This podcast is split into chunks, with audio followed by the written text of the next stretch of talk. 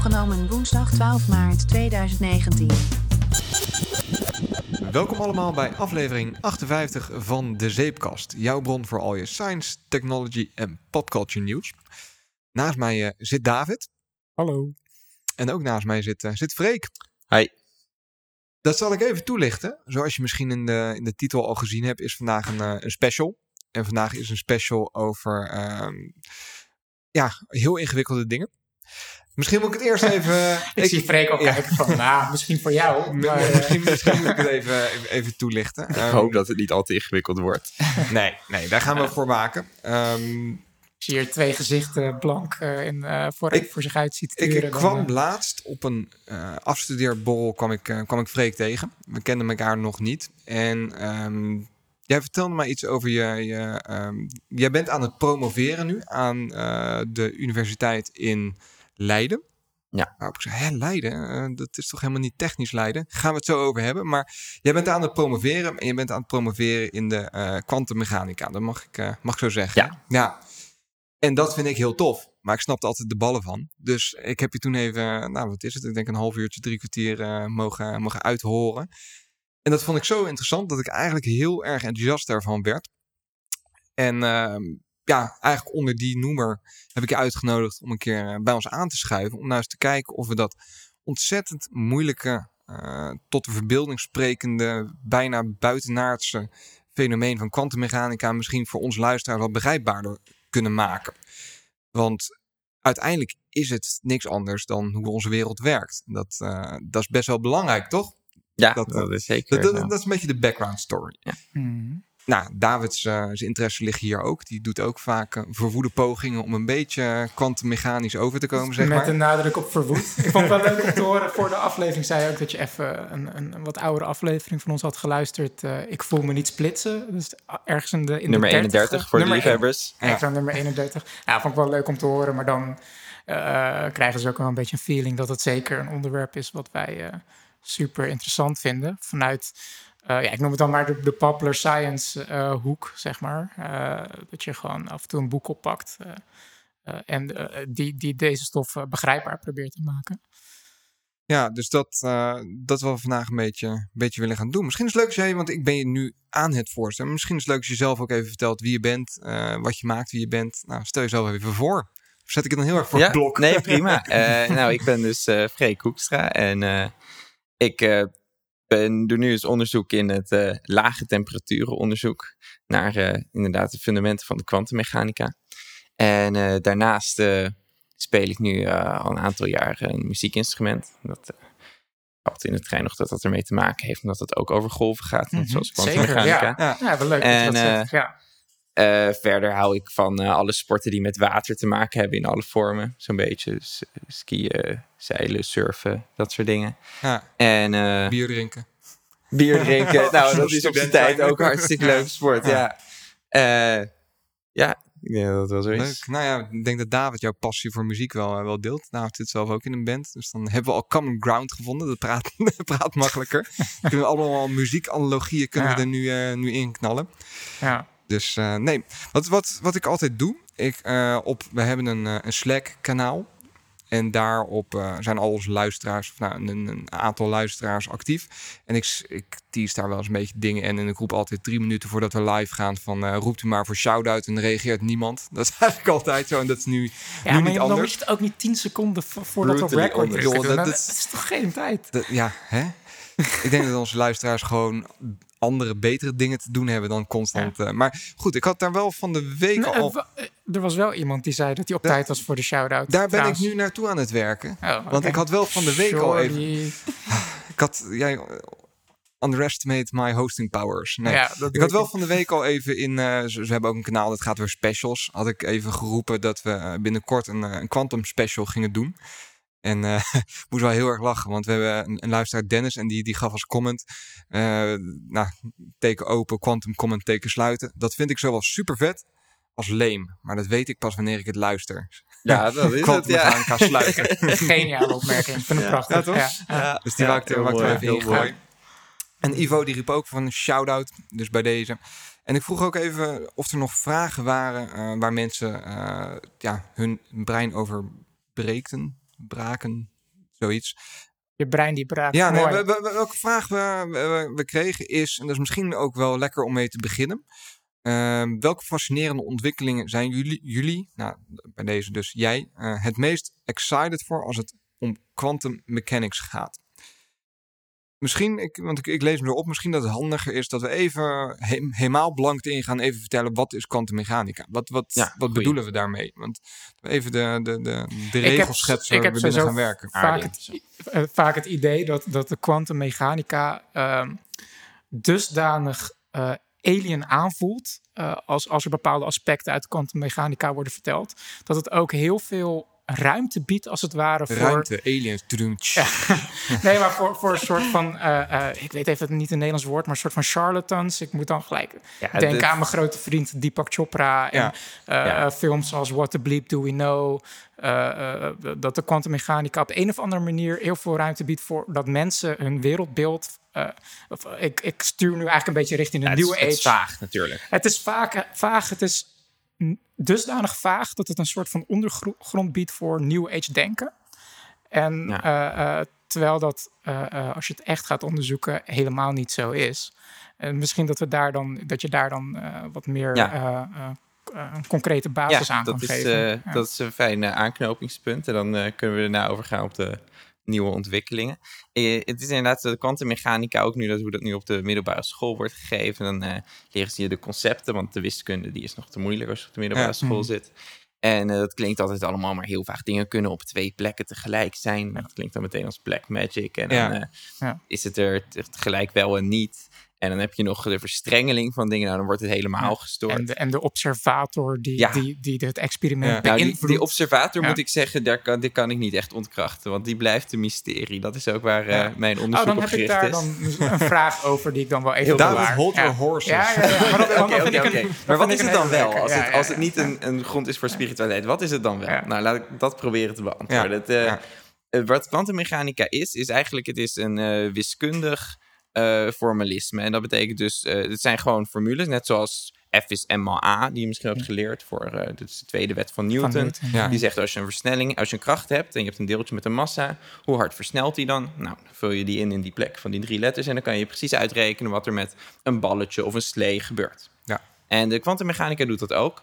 Alleen dan eh, zijn er wat eh, haken en ogen aan die het moeilijker maken om het je voor te stellen dan een, een balletje of een slee. Ja. Eh, het is dus gewoon eh, de, de, Het, die het voelt vergelijking. heel onnatuurlijk. Ja, die manier. vergelijking die, die zeg maar de plek inneemt van F is maal A, dat is de Schrödinger-vergelijking. Mhm. En die, die kan je niet in drie letters zeggen, want die ziet er wat ingewikkelder uit. Schrödinger van, van, het, eh, van de kat. Van de kat. Do, dode kat Van de kat, dat klopt, dat Ja, klopt. Dus die vertelt hoe de, die, is, die wist niet alleen maar van katten, die wist eigenlijk gewoon van alles wat ermee gebeurt. Net zoals Mm. Newton dat wist van alle klassieke objecten. Mhm. En dan, maar goed, het, waarom is het dan niet F is maal A? Nou, op de kleine schaal is het dus zo dat je een balletje niet meer een balletje is. En dan is iets eh, tegelijk ook een golf. En dat dan En- een kleine schaal, dan hebben we het over de kleinste schaal. Hè? Dat is Ja, echt, over eh, nanometers en kleiner ja, dan dat. ja. Ja. En eh, dat- je kan ook massa's aan hangen, maar daar weet ik de machten van 10 niet zo goed uit mijn hoofd. Ja, dan heb je het over EGV's. Dat is waar ze in de Super Collider in eh Genève altijd naar op zoek zijn, toch? Van die energielevels door protonen tegen elkaar eh, te knallen. Ja, en eh, dat dan klopt. bepaalde Maar die energieniveaus, te, te ja, meten. dat is hoge energiefysica. Maar dat is ook bij lage energie heb je dat juist Ja. al. Dus ja. Eh, want wij gaan, daar maken ze dus echt hele hoge energie, hoge druk, dingen die hard op elkaar knallen, veel snelheid. Mm. En wij doen dan dus, dan, wij gaan lage temperaturen doen, onderzoek doen wij. Dus dan is juist alle energie heel laag. Oké, maar misschien gaan we nu op... We gaan veel verder, denk ik. Dus knippen het er allemaal mijn- later mijn maar uit als nodig. Ja. ja. Ehm, maar dus wat die, eh, die, die Schrödinger vergelijkt, die neemt dus de plek in van F is maal A. Mhm. En eh, wat hij zegt is, die zegt van, nou, we hebben niet een, een positie die gaat veranderen, maar we, in plaats daarvan hebben we een golffunctie psi. En Mhm. daar gebruiken ze altijd de letter psi voor, omdat uh, Griekse heel letter, fans zijn. ja. Griekse Ja. letters vinden ze mooi. Ja, zijn en, ook eh, mooi. ja, en bovendien alle andere letters zijn nog in gebruik hè, in de natuurkunde. dus, eh, Ja. Dus eh, die, je Nou, hebt dus hier, Egyptische hieroglyphen nog niet. Dat is eh, wel, ik heb even een heel rare brain fart hoor, maar dat, dat we nu zien dat dus nieuwe, eh, tussen ha- aanhalingstekens, nieuwe wetenschappen, die moeten letters gaan zoeken die nog niet in gebruik zijn. Betekent dat Ja. dat we over 100 jaar nieuwe wetenschap hebben weet voor Met smileys gaat gebruiken of oh, zo. smileys, ja, wie weet, wie Ja. weet. Aanknopings, meertekens zijn altijd welkom ja. in de wetenschap. Zeker als je ze goed kan Ja. tekenen. Nee, het is even ook Ja. mijn, mijn brain fart. Even, daar En, moest ik ineens aan denken. Eh, dat is zo'n eh, Britse eh, soort van highbrow elitair eh, programma. Dat heet Connect All of zo. En daar gebruiken ze kaarten met Griekse symbolen. En er waren dan eh, brieven over verstuurd van eh, dat het nogal pretentieus was. en, en toen hebben ze zijn al be- best wel veel seizoenen verder. En hebben ze halverwege gezegd, nou oké, dan gaan we andere symbolen gebruiken. zijn ze overstappen hier op hieroglyphen. Ja. Egyptische wel mooi Lekker. van de Ja, ja. Maar Sorry. eh, ja. Ja, Dat Zo, zo gaat het bij de ja. zeepkast. Het oké, prima, even- ja. Dus eh, die, die golffunctie, die, die psi, daar wordt eigenlijk niet meer over gespecificeerd wat dat is. Mhm. En dat is dus waar al die interpretaties er binnenkomen. En die, die psi, dat is een functie en die heeft een waarde op elke plaats en tijd. En eh, dat wordt dus vaak gezien, dat is de Kopenhagen-interpretatie, Mhm. als de kans om een deeltje ergens te vinden. Nou, Ja. is het iets ingewikkelder, maar goed genoeg. Het is namelijk eigenlijk een complex getal en dat zorgt er weer voor voor allerlei interessante eigenschappen die echt kwantum zijn. Want met complexe getallen kan je meer. Dan is eigenlijk elk getal is dan tweedimensionaal. In plaats van dat hij alleen op een getallenlijn zit, zit hij in Ja. een vlak. Oké, dan dus je kan kan je een dus- plot op een... eh, En ja. dan dra- kunnen ze ronddraaien en dat soort dingen. Dat is allemaal fantastische wiskunde, komt daarbij. Ja. Maar goed, dat is dus een gedeelte wat ze altijd niet uitleggen Nee. van die wiskunde. En dat snap je ook wel, want je wil niet weten hoe een getal in een vlak kan ronddraaien. Nee. Mhm. En, ehm, maar als je dat getal dan eh kwadrateert, dan wordt het weer gewoon een normaal getal. En dat geeft je dan de kans dat je het ergens kan vinden. Dus het wordt vaak gezien als een kansverdeling. Mhm. En ehm, eh, die kansverdeling, dan zegt dus, het is de kans dat je ergens iets kan vinden. En dat, is, dat heet de Kopenhagen-interpretatie. Ja. En dat, dat werkt gewoon, dat kan je testen. Je kan gewoon iets kwantums doen met een kwantumgolffunctie en dan verandert die. En als je hem dan gaat meten, Wat, dan vind je hem de Ja. ene keer daar, de andere keer ergens anders. wat, wat En dat- zijn nou een kwantumrolfunctie? Of... De kwantum, ja, golffunctie. Oh, golffunctie. dat is een andere ja, naam ja. voor die, die psi. Ja, ja. Dat is dus, eh, Dus Ja, dit, is waardevolle wetenschap. Je kunt, En- een, je, kunt een, Ja, eh, en- je, je, kunt iets voorspellen en het vervolgens meten en Ja. je hebt gelijk gehad. ja, klopt. Dus filosofisch gezien is er geen touw aan vast te knopen. Maar dat komt dus omdat het niet eh, daarvoor is ontwikkeld. Het, het is gewoon ontwikkeld omdat ze gekke dingen zagen. Ze zagen het foto-elektrisch effect, is iets wat Einstein heeft gemeten. En dat was iets heel raars. Dat bij een bepaalde kleur licht ging er opeens een stroompje lopen. En een aantal andere van dat soort experimenten in het begin van de 20e eeuw.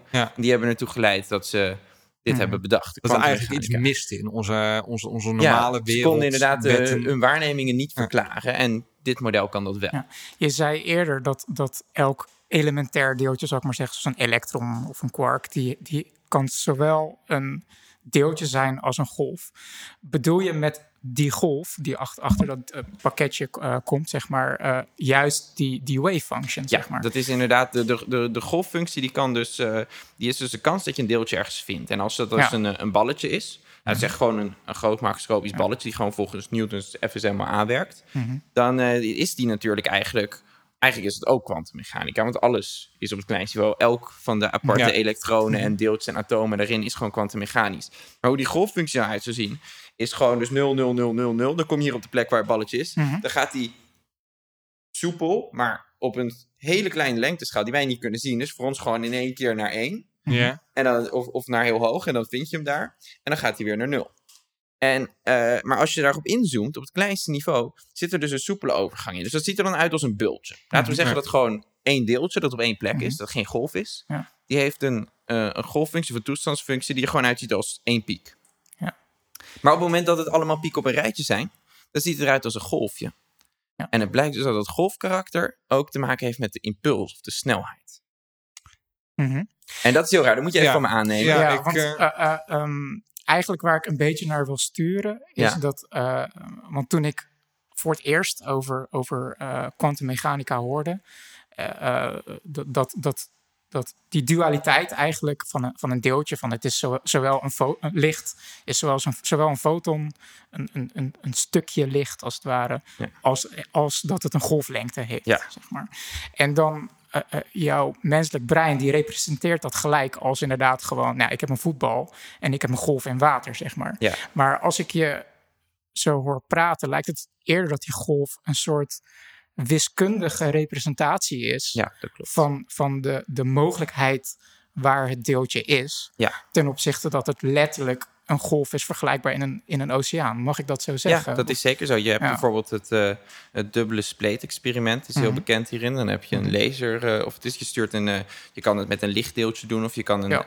ook een elektron sturen. Die komt uit zo'n zo'n oude, ouderwetse tv, die die stuurt elektronen. Mhm. En die kan je dan door eh, twee spleetjes sturen die heel dicht bij elkaar zitten. En als je dan gewoon recht erop afstuurt en ze zitten heel dicht bij elkaar, ze zijn heel klein, dan weet je niet door welke spleet die gaat. Ja. En dan kan je daarachter, nou je moet het maar googlen, want ik kan je geen plaatjes laten Ja. zien door een podcast heen. Nee. Maar dan is het doordat je niet weet, doordat hij door beide tegelijk gaat, Mhm. kunnen die golven, net zoals wanneer je twee golven maakt in het water met je vingers naast elkaar, kunnen die twee golven elkaar dan op bepaalde plekken versterken en op andere plekken uitdoven. Interferentie. Ja, Ja. en het gekke is dus dat als je dan dus eh, deeltjes zo er doorheen stuurt, en je weet niet door welke ze zijn gegaan, dan krijg je inderdaad een in- interferentiepatroon. Van dat hij op bepaalde plekken vind je hem wel en daartussen vind je hem nooit. Wat Oh, hier dus echt gestoord aan is, is dat als je dit doet met één elektron tegelijk, je hebt erachter gewoon een, een soort tv-buis staan, zeg maar, of een, eh, een foto lichtgevoelig Ja. plaat, zeg maar, een oude Ja. fotocamera ding. Dan je stuurt één voor één een elektron, dan komt hij gewoon eerst willekeurig ergens neer. Maar naarmate je er meer stuurt, met heel veel tijd ertussen, komen er strepen. Strepen waar die elektronen wel zitten Ja. en waar er bijna geen zitten.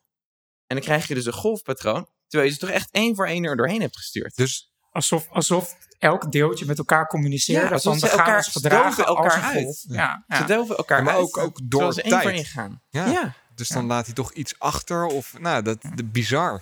Ja. Het, het is En eigenlijk... dit, zodra je ja. dus iets neerzet om te meten door welke van die twee spleetjes die gaat, Dan ben je de verdwijnt het. observer. Dan ben je de, verdwijnt het. ja, ja. Ik zal een, eh, een eh, link in de show notes plaatsen naar een visuele representatie. Want het eh, Ja. zien is geloven. Maar begrijp ik nu dat ik net een intro heb gedaan dat het allemaal helemaal niet zo heel, eh, heel onbegrijpbaar is als Ja. dat ik zeg dat het is. En we gaan Ja. nu dingen Nou ja. pitchen die we niet kunnen verklaren. Nou, dit kunnen we prima verklaren. Want wat het dus is, is die, die eh, als je op het moment dat je zegt van nou, we gaan nu niet doen alsof het één balletje is die door of het een of het andere spleetje gaat, maar we kijken gewoon wat er gebeurt met die golffunctie. Ja. Dan tot het moment dat je een stipje op het scherm ziet verschijnen, werkt het gewoon allemaal en eindigt die golffunctie in dat patroon wat je uiteindelijk ziet nadat je er heel veel stuurt. Ja. En dat is gewoon dat er op bepaalde plekken hele grote kans om te vinden, andere heel weinig. En dit is dus waarom die kwantummechanica werkt. En dus niet zweverig en vaag is. En dit is dus gewoon. eh, en dit kan je ook gebruiken om kwantumcomputers te maken. Die hopelijk als je het een beetje doorwerken in Delft over een tijdje daadwerkelijk Ja. beter zijn in bepaalde problemen oplossen dan gewone. Laat, Maar, laat ik hem daar ja. maar gelijk even, even inhoeken. Want we kregen natuurlijk ook de vraag welke eh ja, kwantummechanica ontwikkelingen eh, wij, nou, dan maak ik nu even van jij het meest interessant vindt voor de komende periode. Waar wel een beetje op aangestuurd wordt, vaak bij dat soort dingen. eh, in, op de bekende verjaardag, als je in een kring zit, is kwantummechanica computers en quantum computing. Ja. Wil ik zo even van horen wat je daarvan vindt. Maar stel eerst je vraag, Ja. David. Ehm, om dit deel af te ronden, eh, want we hebben het nu heel veel over, over, die, over die particle-wave duality gehad. Sorry, maar ik ga weer springen over op Engels. Deeltjes, Deeltjes, golf, dualiteit. Dualiteit, Heel goed. ja. ja. Ehm, eh, en, en je begon heel mooi de vergelijking te leggen tussen Schrödinger en Newton. Hoe Newton eigenlijk eh, de, de, de klassieke mechanica heel mooi kon vangen in, in hele kleine, simpele formules eigenlijk. Heeft Schrödinger het, het basisidee van kwantummechanica in een iets ingewikkeldere eh, formule eh, weten vast te leggen. Maar nog vrij elegant. Maar nog, dat, Ja. dat is een mooi woord. Dat, eh, vrij elegant. Het past nog steeds op, op een klein stukje papier, zeg maar. Ehm, en ehm, vat ik het goed samen van wat je allemaal net vertelde over dat Schrödinger eigenlijk aantoonde dat zodra je met die wave, met die golf eh, wave function eh, gaat werken, Golffunctie. go- golffunctie, waar je, wat jij net ook beschreef, als dat je dan de snelheid van een, een, een, een deeltje vindt, dat je daarmee eigenlijk eh, de, de positie van het deeltje verliest. En zodra je het pos- de, de waarschijnlijkheid waar het deeltje zich bevindt, als je daar steeds zekerder van wordt, dat je daardoor eigenlijk eh, de kennis van de snelheid van het deeltje verliest. Dat Ja, dat, dat dit is, eigenlijk het eh, fundament is van. Ja, je Van, beschrijft eh, hier inderdaad nu de, de onzekerheidsrelatie van Heisenberg. Ik wil die naam even noemen, want ik heb Oh ja. een boek gekregen over Heisenberg. Iedereen aan Sinterklaas Breaking had, Bad, maar ja. Ja? ja. Oké, nou, ik heb een, een boek gekregen over hem. Dat was een natuurkundige die ook aan de kwantummechanica heeft bijgedragen. En Die heb ik aan Sinterklaas gevraagd, maar die moet ik nog gaan lezen. Oké. Eh, hij heeft namelijk niet alleen natuurkunde gedaan, maar ook heel veel eh, filosofische overwegingen erover opgeschreven. Vet. En dat is Ja. geen in die tijd heel normaal. Het zijn allemaal briefwisselingen en weet ik van. Hij heeft ook een boek erover geschreven. Dus, Mis jij dat dan tegenwoordig? Is dat, want je zegt, toen was het heel normaal dat, dat eh, als je dus heel theoretisch bezig was, dat je ook heel filosofisch bezig was. Is dat tegenwoordig Ja, bijt nou, dat de- elkaar? De wetenschap is inmiddels eh, anders georganiseerd. Het is zeker zo dat er meer vertakking is. We zijn minder bezig met eh, eh, samen een groot probleem oplossen. Zoals, eh, nou ja, als je als oude Griek was het natuurlijk vrij eenvoudig. Als jij er als Ja. enige in je dorp ermee bezig was, dan dacht je daar wat over, schreef je dat op. Maar inmiddels is het zoveel groter en complexer geworden dat we Hmm. inderdaad wel eh, opsplitsing hebben. Maar jij vroeg dus of dat de essentie van de kwantummechanica is, dat Mhm. onzekerheidsrelatie. En Mhm. eigenlijk, ik zat erover te denken van tevoren, over die onzekerheidsrelatie van Heisenberg. En ik dacht, eigenlijk dat je die positie en die plaats, dat je dan het ene zeker weet, het andere is minder zeker. Dat klinkt heel mysterieus. Maar je kan het eigenlijk heel makkelijk voor je zien voor een golf. Op het moment dat je eventjes van me aanneemt dat Hmm. in die Schrödinger vergelijking, in die theorie die we hebben, die werkt, Mhm. waarmee we gewoon kunnen Ja. rekenen en voorspellen, dat daarin de, de golflengte, of eigenlijk een gedeeld door de golflengte, dus de, de Mhm. frequentie van die golf, dus hoe, hoe erg golfachtig het is, Ja. dat je de snelheid geeft, dan is het vanaf daar heel, kan je het gewoon tekenen haast. Dat als je, een, als je een hele lange golf hebt, die alsmaar elke keer opnieuw op en neer gaat, op en neer heel lang, dan Mhm. kan je heel precies bepalen wat golflengte is. Dat heb je Mhm. misschien op de middelbare school wel Ja. gedaan. Dan zeggen ze van, je moet je niet eentje meten, maar dan meet je er tien, dan weet je het heel precies en dan deel je dat door tien en dan weet je de golflengte. Ja. Dus hoe, hoe langer die is, hoe meer die gegolfd is, hoe beter je de golflengte weet. Hmm. Maar als ik je nu zeg, dit is de kans om een deeltje ergens te vinden, Hmm. waar is die dan langs die hele golvende Hoe lijn? langer die wordt, Dat Dat hoe weet je minder... niet. Hoe langer die wordt, hoe minder goed je weet waar die is. Maar hoe preciezer je de golflengte weet.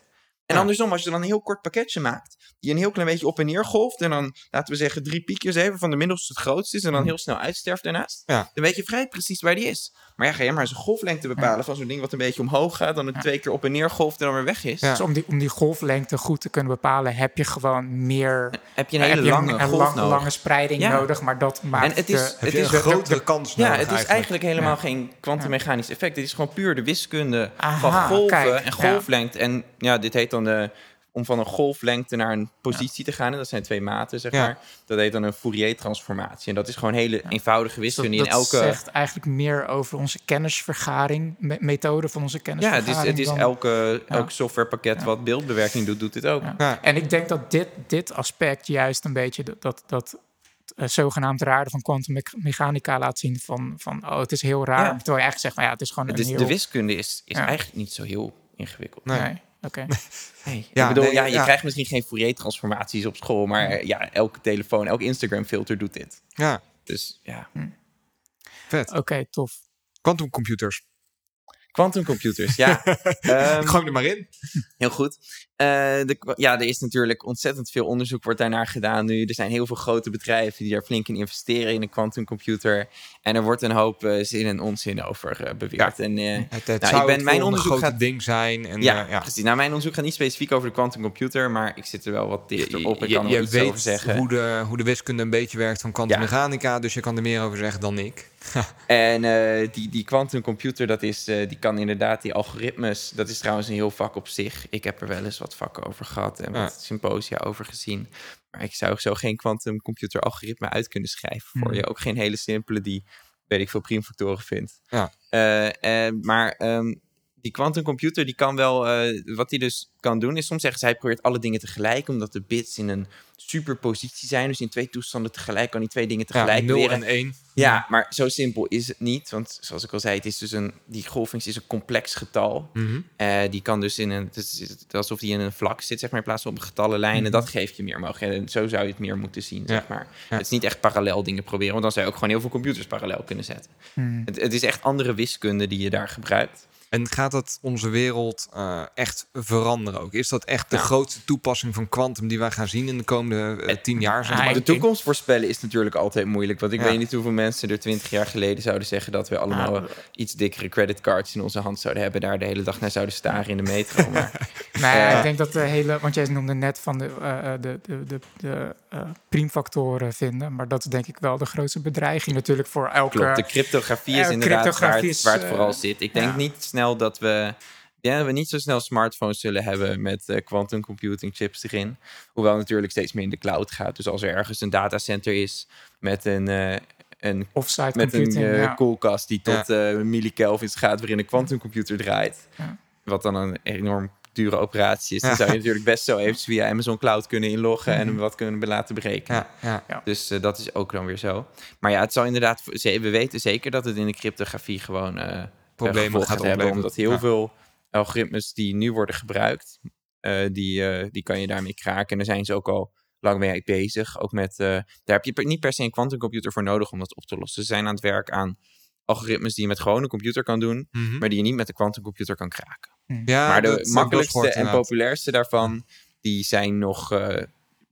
ja, degene die nu het meest gebruikt, maar makkelijk zijn, die kan je wel met een quantumcomputer Oké. eventueel kraken. Maar de quantumcomputers die er op dit moment zijn, die zijn nog nergens beter in dan in gewone, dan gewone computers. En dat, die droom van dat ze dat wel doen. En dat moment als het lukt om een quantumcomputer te maken die ook maar één dingetje iets beter kan dan een gewone computer, dat heet quantum superiority.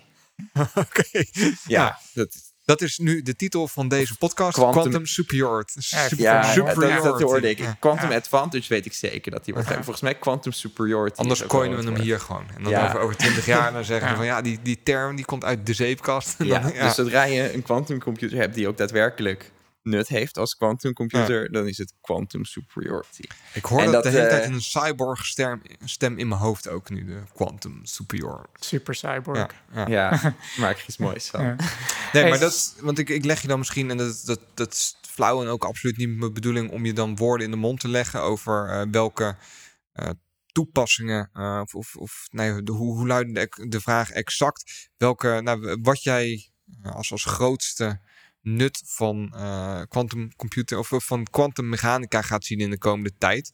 Eh, ja, misschien zijn het helemaal niet de computers, maar dat is wel wat veel mensen denken. Vandaar dat ik hem even, Hmm. even erbij Nou, trok. Ja, het is, het is ook. eh, ik weet niet zeker of dat kwantummechanica is, maar ik was laatst op een uh, fascinerende ontwikkelingen ging het trouwens Oh ja, over. ja. Dus dat uh, zo, zo Ja, oh ja, daar dat zijn- was het uh, ding. Ja. Daar zijn we naar op zoek. Ja. Nou ja, kijk, het is altijd ehm, onvoorspelbaar uiteindelijk wat je uit dit soort pure onderzoeken naar de, de, het fundament van de realiteit, wat je gaat vinden. Ik bedoel, Wat is dat? toen, het? toen, ja, nou, is quantum dit- computing niet zozeer. Quantum computing gebruikt algoritmes die al zijn uitgedacht en die gebruikt de kwantummechanica die we al kennen. Alleen de, ja. de, de uitdaging is op dit moment puur technisch. En dat is ook waarom er niet zoveel mensen zijn die dus fundamenteel onderzoeken wat Ja. zo'n zo'n meting nou is. Maar daarover. Ja, kijk, ik bedoel, Einstein die wist ook niet dat, dat zijn eh, eh, Nee. relativiteitstheorie invloed zou hebben op GPS-satellieten. Ja, dat dus klopt. dat is, eh, Dat klopt. Ja, dat Maar de als, eh, quantum computing, dat is op dit moment echt een technische uitdaging om dat werken te krijgen. Omdat, ja, het is als je twee golven hebt en die wil je elkaar laten uitdoven. Op het moment dat er honderd andere golfjes doorheen komen, dan eh, verpesten die dat. Ja. Dus dat is waar ze nu aan werken eigenlijk, omdat eh, de Ja. coherentie heet dat dan goed te Mm. krijgen, om het goed te isoleren van alle andere invloeden. Ja. En eh, er zijn bepaalde materialen die dat beter doen. Er zijn verschillende mogelijkheden voor om dat uit te lezen en om het op te slaan. En daar zijn allerlei groepen in Delft heel druk mee bezig.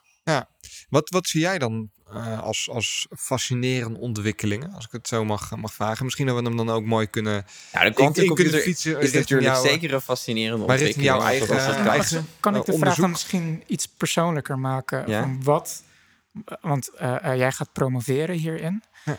Eh, wat trekt jou persoonlijk tot dit onderwerp? Wat, wat drijft je om, om eh, academisch gezien deze kant op te gaan? Want je vertelde mij dat het geen eh, per se heel sexy kant is die je nu opgaat met je, eh, met je onderzoek. Het is Dus zeker misschien niet zo'n heel erg hot topic, nee. Want eh, Vertel dan eerst wa- wat, je- wat je zelf aan Ja. het doen bent en wat jou daartoe heeft gedreven. eh, en, en ja, Ja, nou wat, wat ik dus doe is eh, onderzoek naar eh, het instorten van de golffunctie. En dat is dus als je zo'n zo'n zo'n toestandsverdeling hebt van waar Mhm. een deeltje kan zijn die zich helemaal gedraagt volgens Schrödinger, wat we begrijpen kunnen golflengte waar we doorrekenen. het al een tijdje over gehad Ja, hebben. Ja. en eh, dat, eh, als je die dan, als, zodra zo'n zo'n deeltje, die gaat dus door die twee spleetjes en dat, dat verspreidt zich dan in een golf, die kan interfereren. Maar op het moment dat jij zo'n stipje ziet verschijnen op dat scherm, Mhm. dan is die hele golffunctie in één keer ingestort tot alle kans op dat ene punt.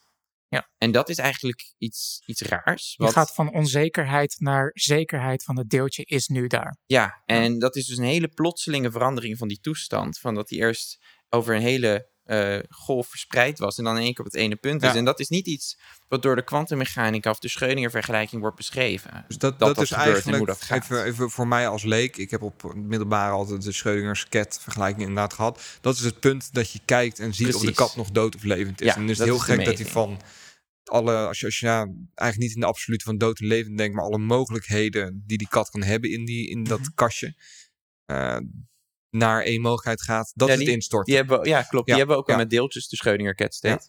Dat is als je niet een hele lange golf hebt, maar als je gewoon twee pieken hebt. Ja. Dan is die of op de, in de, op de plek van de ene piek of op die van de Ja. andere. Dat heet de Schrödinger cat state. Mm. En dan, oh, Mooi. dat was Engels. Ja, ja. En, eh, eh, dus, dus ja, die, die maken we ook wel. Dat is ook Dus, dus dat is het moment waarop... en dat is- Eh, ja. ja, de meting dus, noemen we dat. Ja, dus jij En, als, eh, als, als meetinstrument, jij eh, geeft eigenlijk dat deeltje geef je een positie en daarmee laat je heel Ja. de golf instorten, de golf aan mogelijkheden. Ja, precies. En als je dan, eh, dat kan jij zijn die er naar kijkt, of dat je een, eh, een stroommetertje hebt, of een, eh, een magneetveld. Als je een deeltje hebt wat eh, twee magnetische toestanden heeft, dan moet je de magneetveld ook kiezen welke die doet. Ja. En dat soort dingen zijn dat. En, eh, en dat is het, het meetprobleem. En eh, volgens sommige mensen is dat eigenlijk de verkeerde vraag om te stellen. Oké. Die zeggen van, ja, jij ziet wel dat dat deeltje in één toestand is, maar wat zou je anders verwachten? Volgens de Schrödinger-vergelijking, volgens de kwantummechanica die we kennen, die we hebben getest, waarvan we gewoon weten dat het werkt. Wat zou er dan moeten gebeuren? Nou, zeg je dan, dan als ik daarnaar kijk, naar dat scherm, Ja. waar een golf aankomt met eh, een deeltje wat tegelijk op alle plekken is, dan zou ik hem tegelijk op alle plekken moeten zien. En dan zou ik dus tegelijk moeten denken dat hij rechts is en tegelijk denken dat hij links is. Hm. En als ik dan heb besloten dat als hij rechts is, dat ik eh, wel met het meisje ga trouwen. En als Ja. hij links is, dat ik niet met een meisje ga trouwen. Dan ben ik in een superpositie van wel en niet getrouwd zijn. En dan krijg ik kinderen in een superpositie van wel. Hm. En nou ja, je merkt dat dit, dit, dit gaat nergens naartoe. Nee.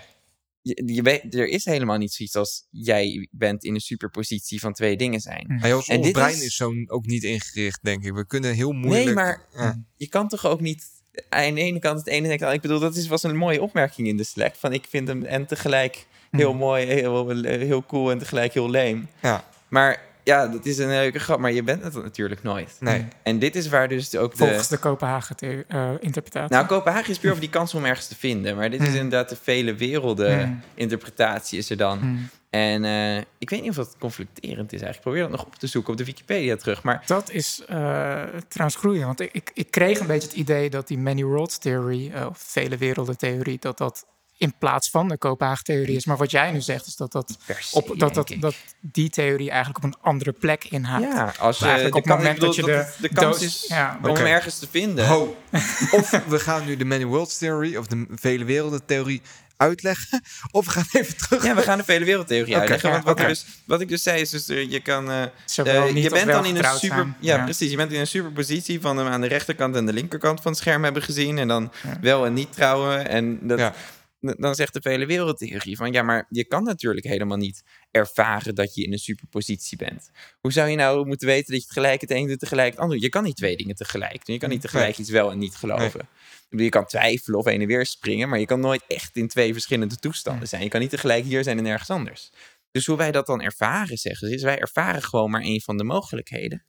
Maar ondertussen is het hele universum is dan in twee toestanden tegelijk. Het universum, de, de, de golffunctie, zeggen ze, de golffunctie is niet iets wat één deeltje heeft. De golffunctie is gewoon de toestand Ja. van alles. Eigenlijk, er, er is maar één golffunctie Hmm. voor het hele universum. En die heeft ook, eh dit is een eh, meneer Everett, die dit heeft aangetoond, ter halverwege de vorige eeuw ergens. En die heeft dat in zijn, eh, zijn proefschrift geschreven toen hij promoveerde. En ehm, hij heeft ook wiskundig aangetoond dat als je dit dan doorrekent met de Schrödinger-vergelijking van die twee toestanden, Ja. want je zou zeggen van ja, maar als dat dan zo doorgaat, gaat bewegen en evolueren, komen die dan niet bij elkaar? Merk je dan niet iets van jouw alter ego die niet getrouwd is? Ja. Of komt dan niet bij elkaar? Maar hij heeft dus gewoon wiskundig aangetoond dat die nooit invloed op elkaar hebben.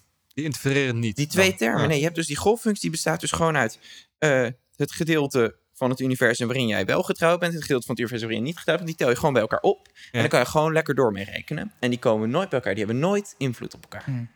Oké. Dus, zo zegt hij van ja, die hele golffunctie die splitst de hele tijd, maar dat is eigenlijk geen probleem.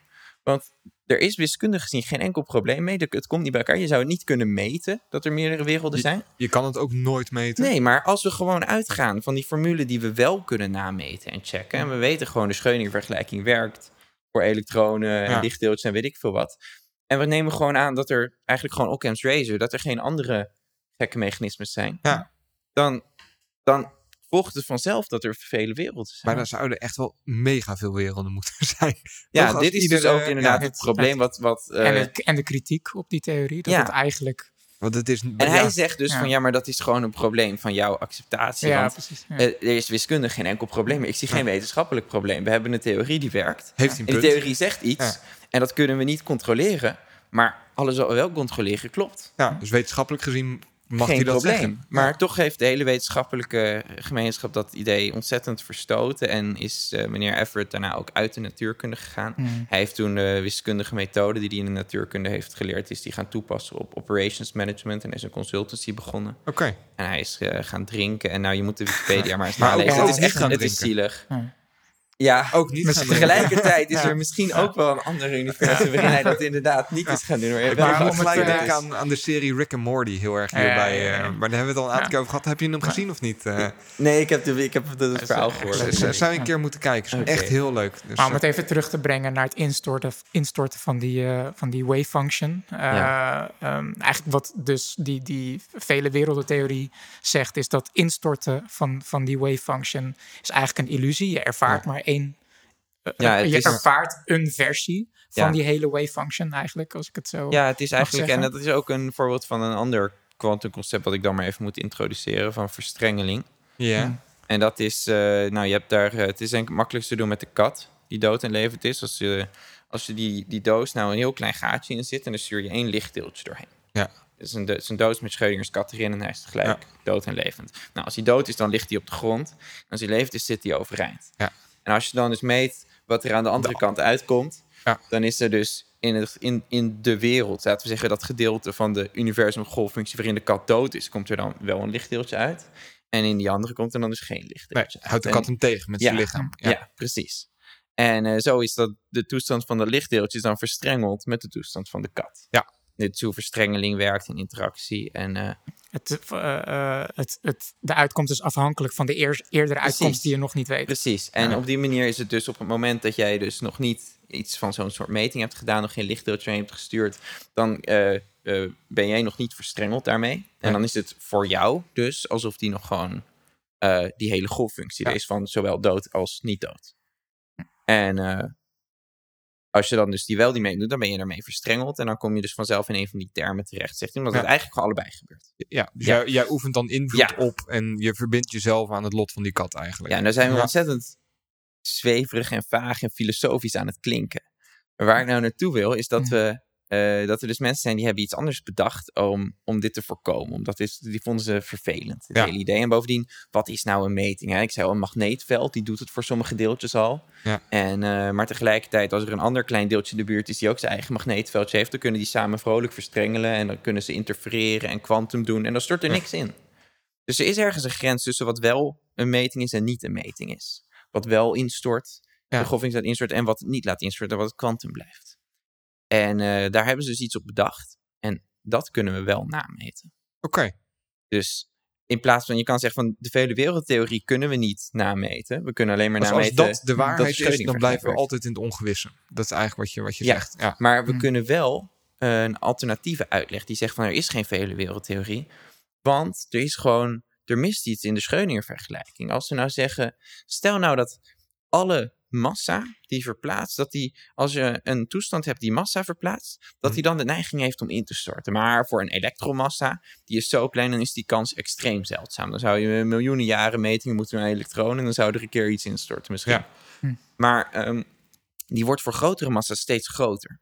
En op het moment dat je dan een meting doet met een, eh, eh, een lichtgevoelig eh, plaatje, dan wordt er heel veel massa verplaatst als dat lichtdeeltje daar dan komt. Ja. En dat zorgt dan voor het instorten. Maar die zeggen dus van eigenlijk moeten we dan dus, dus kwantummechanica zoals we die kennen, Mhm. moeten we dan veranderen. En dit levert ook meetbare effecten op.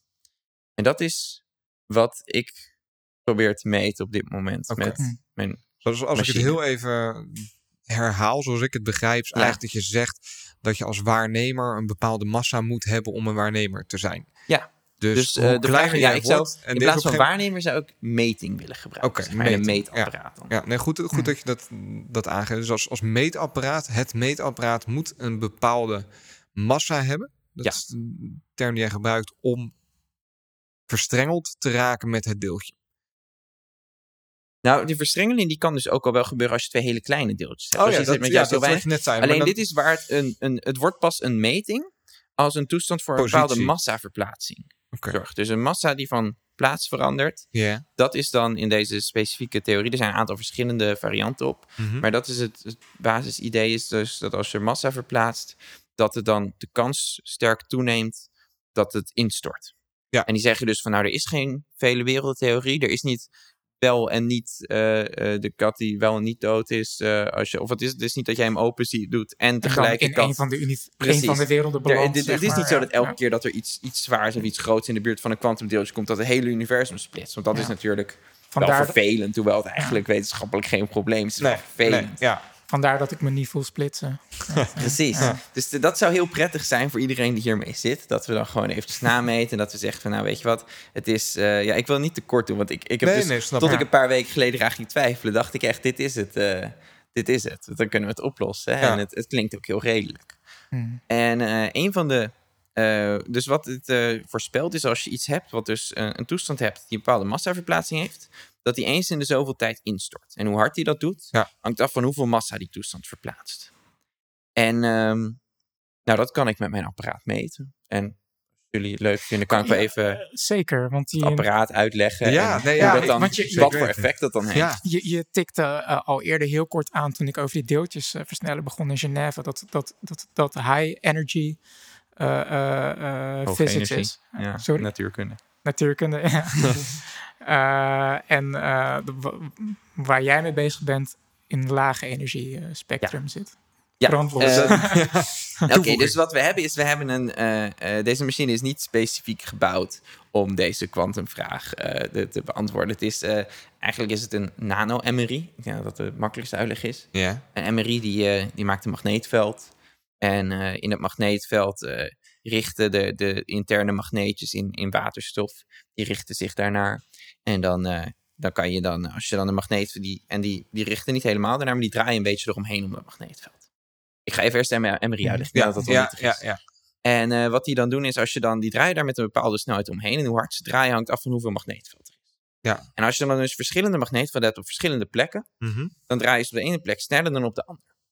Als je dan een wisselend magneetveld gaat aanleggen, loodrecht erop, en dan ga je een beetje op, van opzij er tegenaan trappen, met precies die snelheid waarmee ze zelf ronddraaien, dan kan je als een soort schommel die je aandrijft, Ja. kan je dan, dit heet resonant, dit is waar de R voor staat in MRI, kan je hem dan om laten draaien, dat magneetje. Oké. En eh, als, er dan, als je dan daarmee ophoudt, dan eh, gaat hij weer terug, richt hij zich weer naar dat stilstaande magneetveld. En dit is het signaal wat je meet. Ja. Typisch meet je dat met een spoeltje, want daar meet je magneetvelden mee. Ja. En eh, daar kan je dan een plaatje mee En- maken. En, dat is waar en die voor schoppen, dat is dan het resoneren eigenlijk wat je doet. ja, Dus trilling resonant van- aandrijven. ja, ja. dat, dat, dat volg ik tot zover. Ja. Nou, wat, eh, wat wij nu hebben om dat eh, op de nanoschaal te kunnen doen. Nanoschaal is dus, eh, een nanometer is ongeveer zo groot als 10 atomen. Oké. En dat is een eh, miljardste van een meter. Dus als je een, een, een duizendste van een millimeter hebt, dat is een micrometer. Ja. Als je daar dan weer een duizendste van neemt, dat is een nanometer. Wauw. En dat klinkt, Heel klein. Dat klinkt heel klein, maar dat valt echt wel mee. Want een, een 10 micrometer, die kan je gewoon, als je met de pincet heel zachtjes tegen de chip aanduwt, kan je gewoon 10 micrometer verplaatsen. Oké. Een millimeter is eigenlijk best wel veel. Hm. Ja. Dat is waar het op neerkomt. Dus een micrometer, is- de va- micrometers valt wel mee. Ja, 20 micrometer is een cel. Ik bedoel, die heb je gewoon op middelbare school gezien bij biologie. Ja, ja, Nou, eens. door een microscoop Ja. kijken, is niet zo heel moeilijk. Nee, nee. Dus eh, het is, het, ja, je denkt dat wow, dat is heel klein, maar het valt wel mee. Het is Ja. maar drie nullen verwijderd van wat je gewoon, of vier nullen, vijf, zoiets. Het zijn Ja. weinig. het zijn maar een paar nullen. Nou, Ja, als je kosmologische schaal hebt, dan zit je Ja. op 30 nullen. Dus Ja, dat, dat eh, is- een hoop meer. ja, ja. Dus het is niet zo ver van ons verwijderd eigenlijk. En die, eh, dus die, die nanometers, dat zouden we graag willen zien. Want dan zie je dus een paar atomen. En als je, als je daar plaats kan maken. Ik bedoel, dat maakt niet uit voor als ze willen kijken of er iets in je hersenen mis is.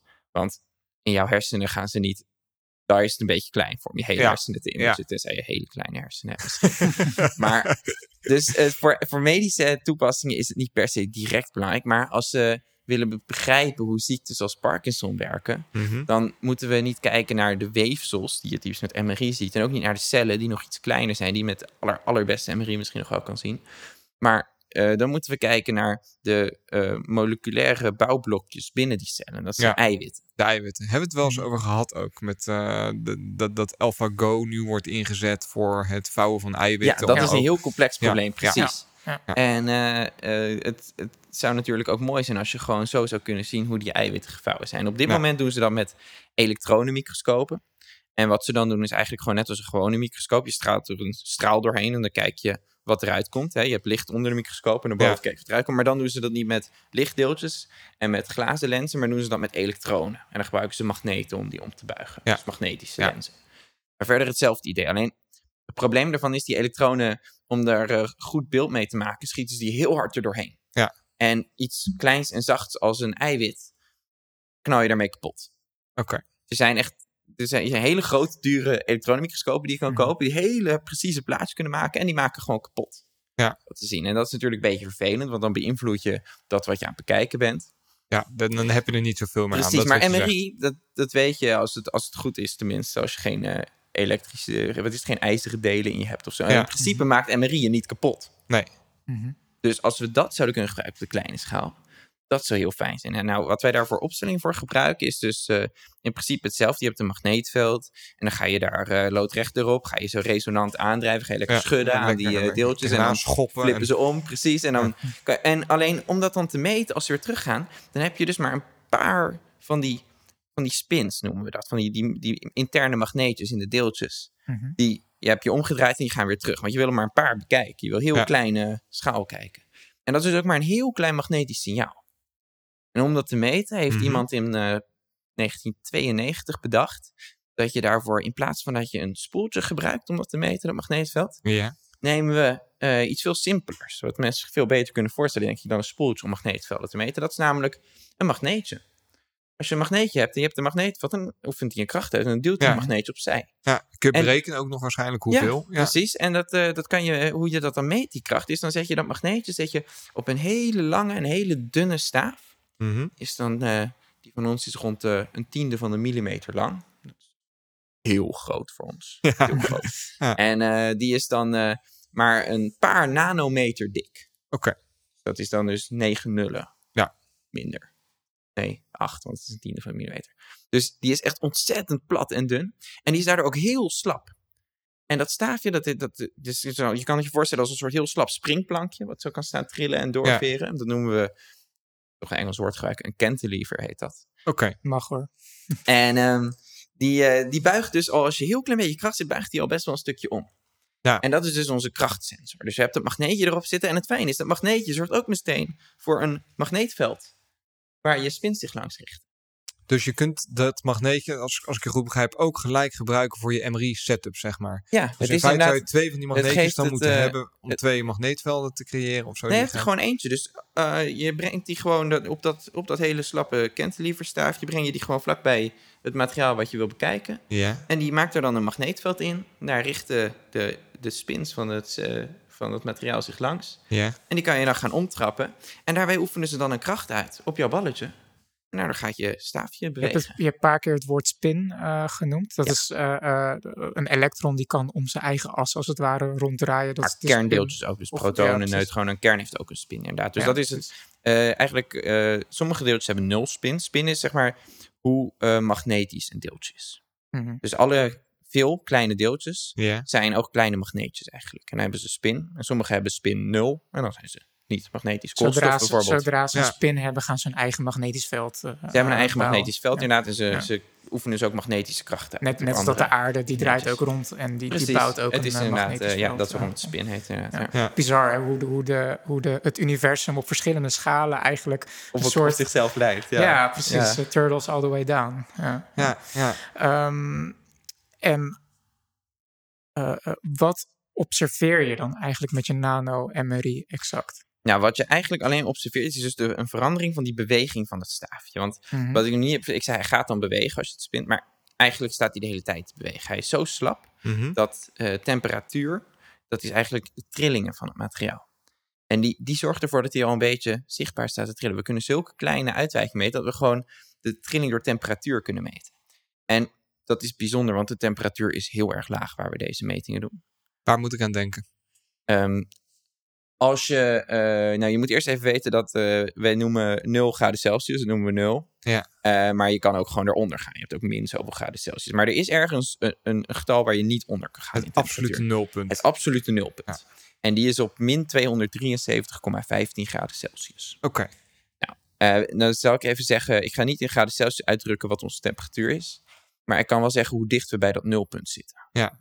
En dat is 0,01 Is het tot nulpunt, 0,02 graden Celsius. is het nulpunt überhaupt te bereiken?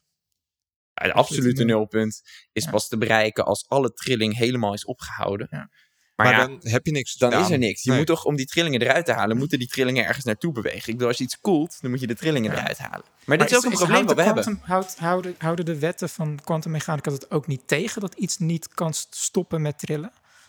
Je hebt pas een nulpunt bereikt op het moment dat er helemaal niks meer verandert in je systeem eigenlijk. Want dat is als alles stilstaat. Ja, ja. Dus dat is per definitie, denk ik, niet mogelijk. Misschien stopt Hmm. de tijd wel dan. Ik kan, nee, ik ga er geen onzin Nee. meer over zeggen. Ik ben gewoon onzin aan het praten nu. We Maar de nee, titel ik kan er, ik kan er niks zegt dat de tijd stopt Oh, als het God. absolute nulpunt is. Het is, het is in ieder geval, eh, eh, het is een beetje alsof je zegt van wat is de meetonzekerheid op de plaatsmeting van dit, eh, dit glas. En wat is er als die nul is? Nou, ja, die hebt natuurlijk altijd wel iets van trillingen, ruis, Ja. beweging. Dat is wat temperatuur allemaal is, wanorde ook wel. Is een maat voor temperatuur. Hmm, Dus je hebt er Mhm. altijd wel iets van. Ja, ja. Oké, laten we daar niet te veel in dat Celsius Nee, nee. gaan. Eh, maar- dus, dus, dus heel koud. Ja. 0,01 tot 0,02 graden. En we hebben zelfs een, eh, verwijderd. we hebben een, eh, nog een magneet in onze ding zitten... waarmee we tijdelijk, dus één nachtje of zo... kunnen koelen tot 0,001 Oh, wauw. graden. En, Ja, eh, wat is belangrijk voor je instrument om op, op dat niveau eh, dat het zo koud moet zijn? Waarom Ja. is dat belangrijk? Nou, temperatuur zo is dus trillingen, maar niet alleen trillingen, ook elektrische eh, ruis. Eigenlijk allerlei ruis is met temperatuur. Ja. eh, eh, ja, schaalt met de temperatuur. En dat is waarom natuurkundigen altijd dingen op lage temperaturen willen doen. Omdat je dan minder ruis hebt. En we Ja, Krijg typisch minder dingen, shit in je meting ja, we, eigenlijk. typisch willen we dingen meten die je nauwelijks kan meten. Dat is waarom we natuurkundigen zijn. Ja. En eh, dan wil je dus dat je ruis zo klein mogelijk is. Dus als je ruis te groot is, ga je sowieso Alle niet meten. externe factoren Precies, dus zuigen. van trillingen, afscherming van magneetvelden en inderdaad ook temperatuur voor allerlei vormen van ruis. Mhm. Oké. Oké, dus dan zijn we, zijn we nu hier aangekomen. J- Ja. Jullie hebben dat apparaat. eh, die kan tot het absolute nulpunt. eh, of niet tot abs- bijna tot het absolute nulpunt. Daar, ehm, nou, je hebt uitgelegd hoe een MRI werkt. En hoe we die techniek zouden kunnen gebruiken. Om eventueel eh, nou, heel dicht op eh, cellen en weefsel en eh, ja, er is al een plaatje gemaakt gaan van een, een virus met een resolutie, dus een pixelgrootte van 4 nanometer. Eén pixel was dan zo groot als 40 atomen. Oh. En dat is best wel klein. Is, is die te googlen, zeg maar? Ja, dat is... eh, Dan zetten we hem in de show notes hoor. Dus dat Ja, hoeven we niet. maar. Maar dan gaan we die. eh, dat is wel leuk om erin Ja, te zetten. Dan krijg je een beetje dat een hebben idee ze in, we eh, dat over hebben ze in. Zwitserland gedaan toen. Wij hebben nog geen plaatje gemaakt. Mhm. Want we hebben het probleem dat dat, dat, dat duwen, zeg maar, dat schommelen van die eh spins Ja. om ze om te draaien, er, dat lukt bij ons niet zo heel hard. Omdat zodra je gaat duwen met magneetvelden of wat dan ook, dan eh, warmt de boel op. Dus Ja. daar zijn we een beetje in beperkt. Er zijn op zich wel oplossingen voor, daar zijn we aan het werken. Maar als we dat kunnen oplossen, dan kunnen we echt wel een heel mooi geplaatje Ja. gaan maken. Mhm. Maar op dit moment, eh, we, we hebben door die lage temperatuur, is het wel zo dat, ons, eh, dat de trillingen dus heel weinig zijn. En dat ook eh, dat, dat staafje, die cantilever, heel weinig trilt. Ja. En dat is fijn, want dat is, eh, dat is ons meetapparaat. De Min- minder het ruis heb je dan. Precies. Ja. En eh, daarmee kunnen we dus in principe in theorie heel laag. Maar er is iets raars aan de hand met die trilling van dat staafje. En dat is waar ook de hint zit voor de, het instorten van de quantum eh, functie. Ik eh, Cliffhanger next time on. Nee, nee ja, zit ik op ben, het puntje van mijn stoel. Ja. Want ik probeer inderdaad te zoeken naar de link naar... naar eh, Oké, het, het apparaat heb je om op die schaal eh, eh, eh, te kunnen eh, observeren. Als Ja. het ware te meten. La- laten we even. hoe, maar, hoe, hoe dat de link is naar, naar die eh Dus we schieten er nu-. En dat is niet zeepkastluik, maar compleet aan voorbij hoe eh, mooi dit zou zijn inderdaad voor allerlei eh, ziektes en dergelijke, dat je, dat je op die manier kunt meten. Maar dat gaan we dan een andere keer doen. Dat wil ik wel even Mhm. benoemen, dat het wel echt een hele vette techniek is dit. Zeker. Nou ben ik heel benieuwd hoe jij hem eh, kunt gebruiken voor het meten van een, eh, van het vervallen van deeltjes. Je, Ja, eh, het, het instorten van de golffunctie, ja. En dat is dus inderdaad het vervallen van de golffunctie, zou je kunnen zeggen. Vervallen van deeltjes moet je even mee oppassen. Want dat is ook met eh, Hm. Radioactieve deeltjes die vervallen Hm. in verschillende Ja. deeltjes, maar dat is een ander proces. Oké, Maar, ga ik dat ehm, niet meer zeggen. Nooit meer. Nou, dat mag wel, maar dan eh, moet je ook even bij de kerncentrale langs. Dat heeft niets met de golffunctie Nee. instorten te maken, maar dat is, eh, dat, daar gebruikt ze hetzelfde woord voor. Maar inderdaad, je zou ook kunnen zeggen als het instorten of het vallen van de golffunctie. Ja. En ehm, Instorten klinkt dramatischer. het klinkt heel, en het is ook heel en het dramatisch. is ook dramatisch. Het is heel dramatisch. Dat heb je de. Wikipedia-pagina van Everett leest, wordt dat wel duidelijk. Ja. En ehm, dus we hebben dat, dat staafje, die cantilever, die heel slap is en die zo een Mhm. beetje staat te trillen, want, want er is temperatuur. Dus eh, hoe warmer het is, hoe meer trillingen er zijn in alle materialen en zo. Ja. En hoe meer dus ook dat hele slappe buigzame staafje door die trillingen aangedreven wordt om zelf te bewegen. Ja. En eh, dat, eh, dat kunnen we heel mooi in beeld brengen. Dan maken we een grafiekje van hoeveel die trilt, bij welke temperatuur. Want we hebben ook hele goede thermometers. Dat is een man in Leiden, die is daar wereldberoemd om. Toen ik eh, voor een eh, workshopconferentie naar Finland ging, vertelde ze daar dat, eh, dat Wim uit Leiden de, de beste thermometers maakt. En, Ik, ik krijg een beetje een trum. We have the best tomato guy in the world. ah, het, is, het is echt geen Trump, het is een hele lieve man. Nee, nou, dat bedoel ik ook helemaal niet hoor. nee, Dat hij zo. Nee, nee, nee. Oh, nee. En er zijn heel veel manieren om temperatuur als te iemand meten. zegt maar dat de, ergens de, de beste, de, de snelle, makkelijke manier, daar is hij het beste met een weerstandje. Oké. En, ehm, eh, en dus we meten die temperatuur dan en we meten hoeveel die beweegt. En dan zou je verwachten dat dat, eh, dat lineair gaat. Dat Ja. gewoon hoe meer temperatuur. Maar als je dan eh, een lijn door die punten trekt, Mhm. eh, dan eh, kom, kom je erachter dat die niet helemaal door nul gaat. Dat die te veel beweegt eigenlijk. We hebben te veel trillingen voor hoe warm het is. Ja. En dat is op zich is dat niks verbazingwekkends. Want dat betekent gewoon dat er misschien eh, een vrachtwagen langs rijdt en wat extra trillingen komen. Ja. Of dat je magnetische afscherming niet goed is en dat er ergens een stroompje wordt opgewekt waardoor er ergens iets opwarmt. Of misschien is er ergens een bewegend magneetveld van een feedback sensor die we hebben die op het magnetische deeltje op onze cantilever. Want ook Ja. magneetvelden duwen tegen onze cantilever aan. Dus die kunnen hem ook laten bewegen. Dus het zou van alles kunnen zijn. Gewoon wat het basically zegt is, je doet het niet goed genoeg. Ja. Op het moment dat hij te veel beweegt. Ja. Mhm. We meten de temperatuur van hoe warm het daar is en hij beweegt meer. Nou, heb je iets niet goed genoeg afgesloten van de omgeving. Ja. Eh, maar dit is ook precies het signaal wat je zou verwachten van een continu instorten van de golffunctie van onze cantilever. Ik zei al, een Hmm. massaverplaatsing zorgt voor eh, een vergrote kans op het instorten. Ja. Zodra je dus zo'n heel slappe... eh, Dat is een, theorie trouwens, toch? ja, dit is die ja, theorie ja. die is bedacht om de vele werelden te voorkomen. Ja. Eh, die zeggen van Ja. nou, wat nou als het anders zit? Ja. En eh, dan zorgt dus een massaverplaatsing voor. Nou, op het moment dat je zo'n hele slappe cantilever hebt die een beetje staat te bewegen en je hebt daar een magnetisch bolletje op zitten. Eh neodymiummagneten, die ken je Mhm. misschien wel als je bekend bent met wat magneten. Nee. Het zijn hele goede magneten. Er zitten ook in speakers heel veel en zo. En eh, gitaren. Ehm, en die, eh, dat is dus een, een zwaar massief balletje met een hele lange cantilever. Hij is wel heel plat, maar wel heel lang. Ja. 10 mm is heel Ja. lang. En dat die, eh, als die dus eh, eh, um, volgens de Schrödinger-vergelijking zich gedraagt, dan zou die vanzelf na een tijdje een beetje uit elkaar lopen. En als hij dan steeds een beetje instort naar één positie, dan zorgt dat voor een soort ruis. Dat kan je misschien wel voorstellen op het moment dat die golffunctie een beetje verbreedt en de kans groter wordt dat hij links of rechts zit. En dan klapt hij opeens daar naartoe en dan gaat hij vanaf daar verder. Ja. En dan klapt hij opeens naar rechts. En dat zorgt voor een soort van ruis. Of iemand steeds een heel klein tikje naar links, een heel klein tikje naar rechts geeft. Ja. En dat zorgt ervoor dus voor dat hij te veel beweegt. Precies wat je eh, ziet. Wat je meet als Ja. je het niet goed doet. Ja. En dat is dus heel vervelend. Je Dat kan dus kan met deze me meting niet zeggen: kijk, ik heb het effect gemeten van een continue instortingstheorie van de golffunctie. Want hij beweegt te veel. Zeggen mensen: ja, ga maar aan het werken. Dit Ja. is niet goed genoeg gedaan. En dus wat ze hiermee wel kunnen doen, en dat is ook al met een aantal eh, eh, metingen gedaan, is dat je kan zeggen dat, het, in, in dat als dit wel waar is, die instortingstheorie, Mhm. dan kan die extra ruis en hoe hard dat instorten gaat, kan niet meer zijn dan de ruis die we meten. Het is een bovengrens. Als in misschien komt de ruis die we zien door iets anders. Misschien Mhm. komt die deels door iets anders. Misschien komt het allemaal hier vandaan. Ja. Maar het kan in ieder geval niet meer zijn dan wat we meten. Nee. Dus we, Nee, we stellen eens. een bovengrens eraan. En eh, die bovengrens, dat is dus wat al een aantal keer gepubliceerd is. En die gaat niet heel veel meer naar beneden. En eh, de, de lijn waar je op uitkomt, zijn, zijn een aantal getallen. Die bovengrens die komt op, voor een groot gedeelte overeen met eh, de ruis die is gemeten door de LISA Pathfinder missie in de ruimte. Die meet ook een ruis. Die kan je ook omrekenen naar hoe harde instorting van de golffunctie moet er zijn om die ruis te veroorzaken. En die komt op erg vergelijkbare getallen uit. Oké, dus wat je eigenlijk, en ik ga het even En het- dat is herhalen. niet drie getallen achter de komma vergelijkbaar. Dit gaat over gewoon het aantal nullen eigenlijk. Want we hebben geen idee of er 8 of 18 zijn.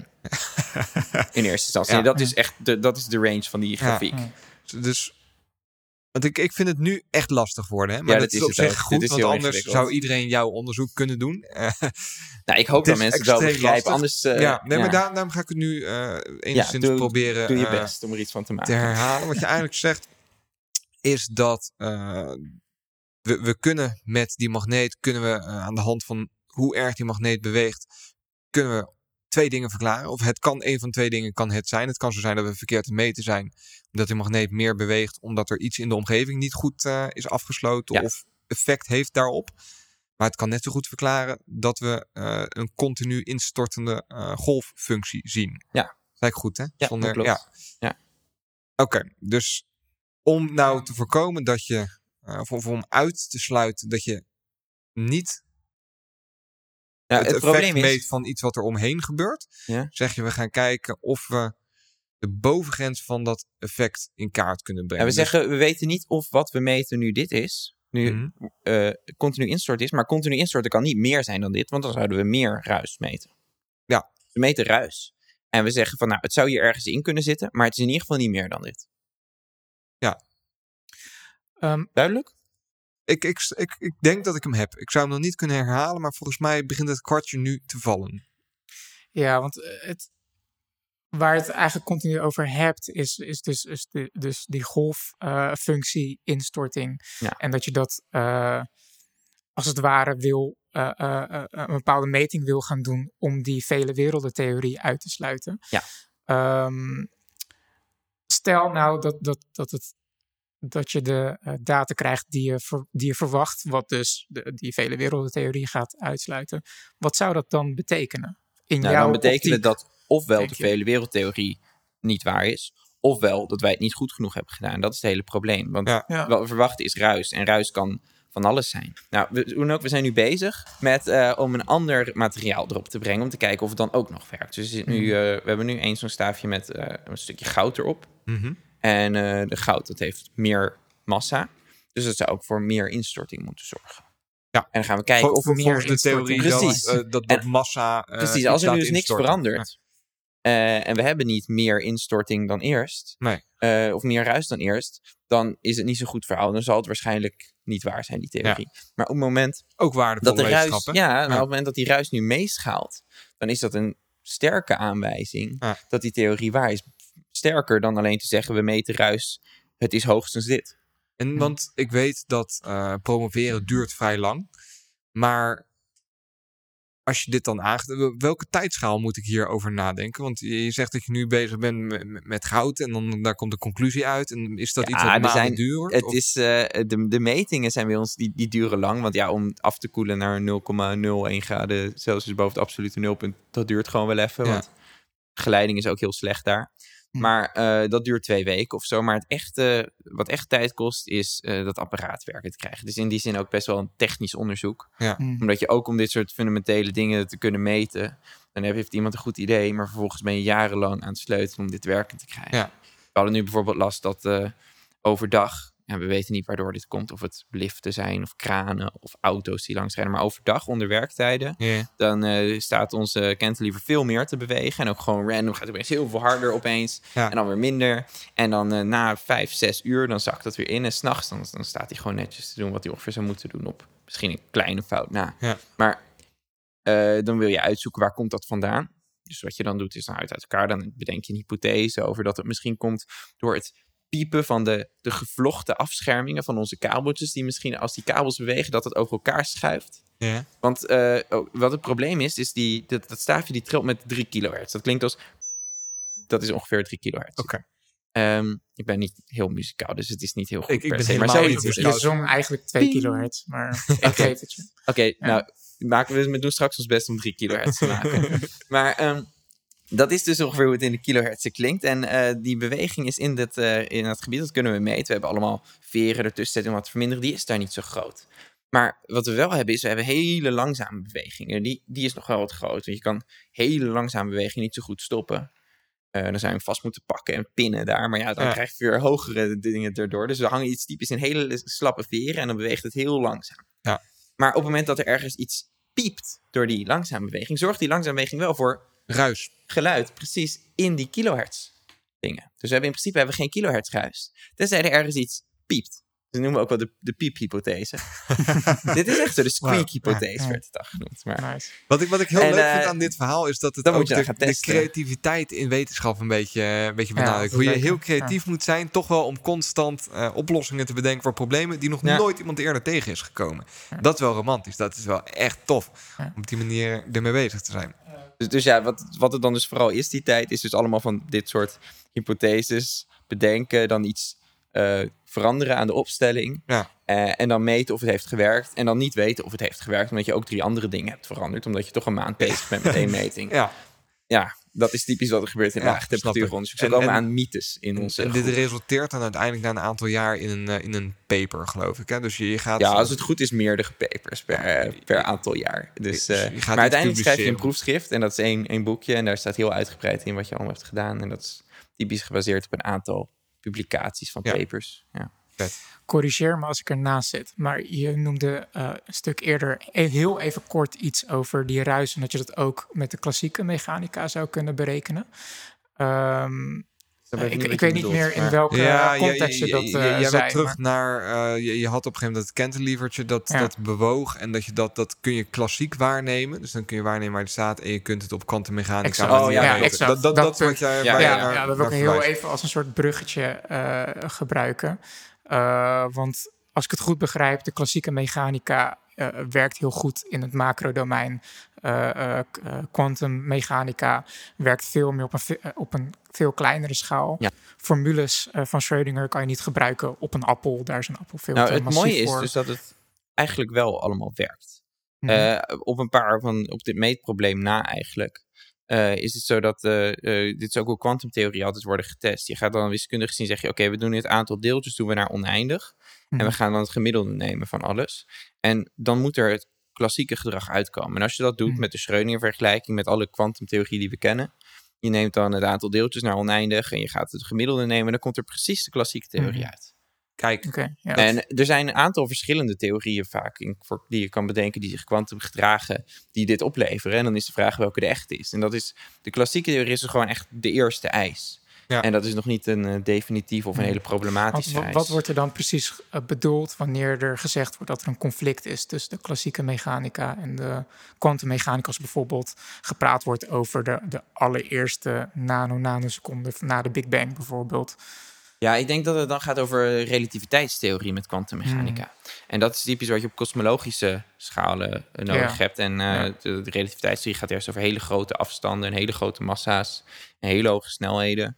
En eh, die is, een daar is ook een, eh, er is een heel mooi eh, s- standaardmodel voor, waar ook alle deeltjes energie erin zit, hoge energie, fysica, dat werkt allemaal. Alleen de kwantummechanica is daar nog niet mee verenigd. Hmm. En dat is het grote probleem van de theoretische natuurkunde. En volgens sommige theoretische natuurkundigen, waaronder eh Verlinde van de Universiteit van Amsterdam, Mhm. is het zo dat, eh, eh, dat er een andere eh, theorie is, dat de, de zwaartekracht anders werkt. Dat de relativiteitstheorie niet af is. Mhm. En eh, dat dat is waarom eh, het niet verenigd is met kwantum.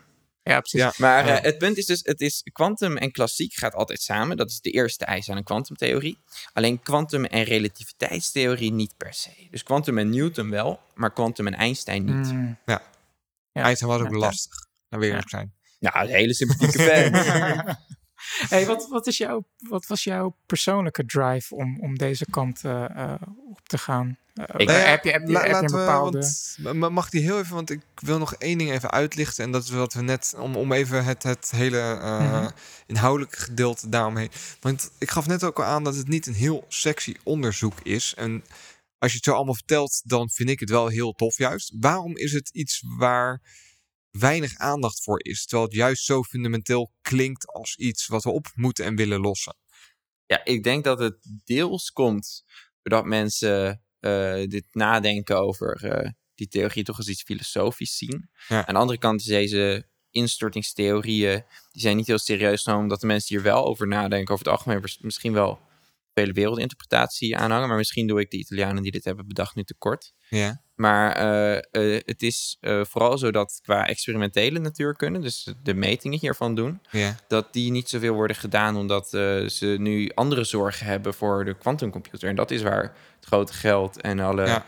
Eh, maatschappelijke impact ook zit nu. Kan, kan ik dan ook zeggen dat we nu nog geen duidelijke use case ervoor hebben? Ook als we deze kennis hebben, dan is het Nee. niet zo dat we ineens Dat kunnen is- navigeren of dat we Dat kunnen... is, het zou je een, eh, grens geven voor wat je allemaal wel en niet eh quantum kan doen. Want als ik zeg van een bepaalde massaverplaatsing gaat instorten binnen een afzienbare tijd. Ja. Dan betekent dat dus dat je geen quantum computing kan doen met deze glazen bijvoorbeeld. Nee. Want die zijn er te zwaar voor en die storten dan binnen een Hmm. fractie van een milliseconde al in.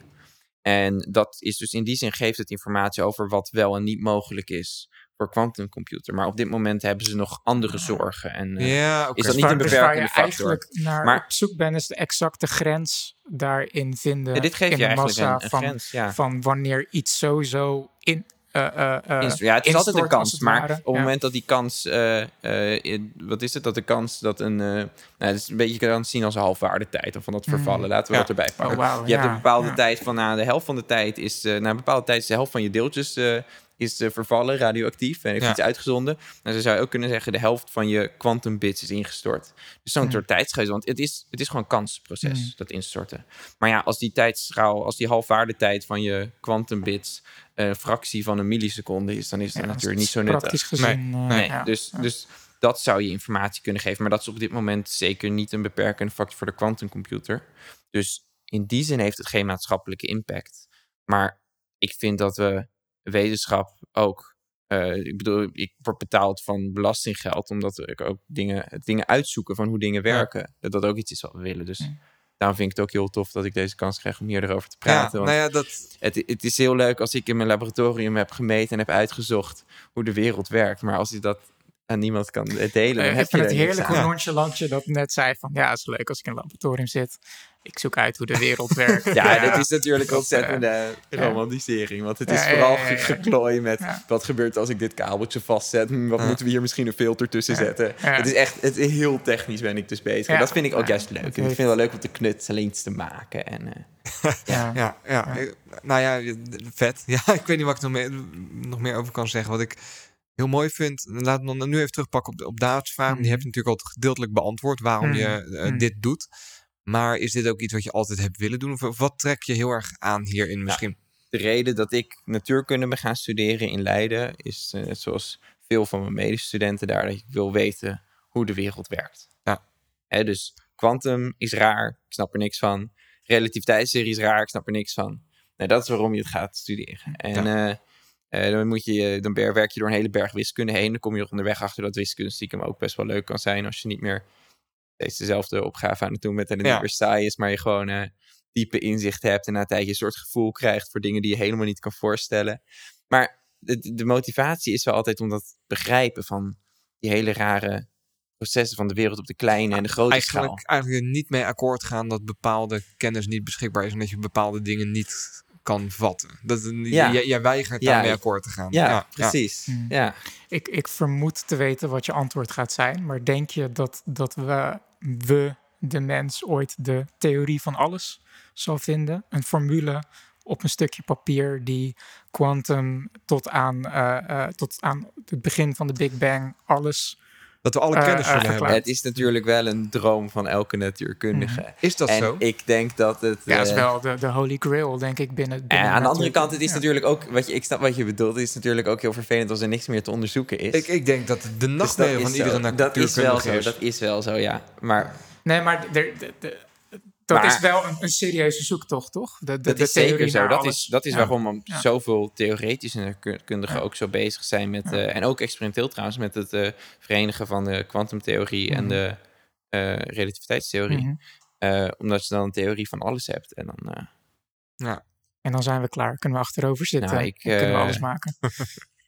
als, als het donkere materieprobleem dan ook is opgelost, dan ben je Ja. een end. Maar dan weten we nog steeds niet over de uitzetting van het universum, volgens Mhm. mij. Mhm. Maar ik kom heel snel op kosmologie uit. Het is Ja. een beetje slecht voor mijn eigen onderzoeksveld. Ik zit de hele tijd kosmologie gaan zitten promoten. Dat is helemaal de andere kant van de natuurkunde waar ik zit. moet je niet doen.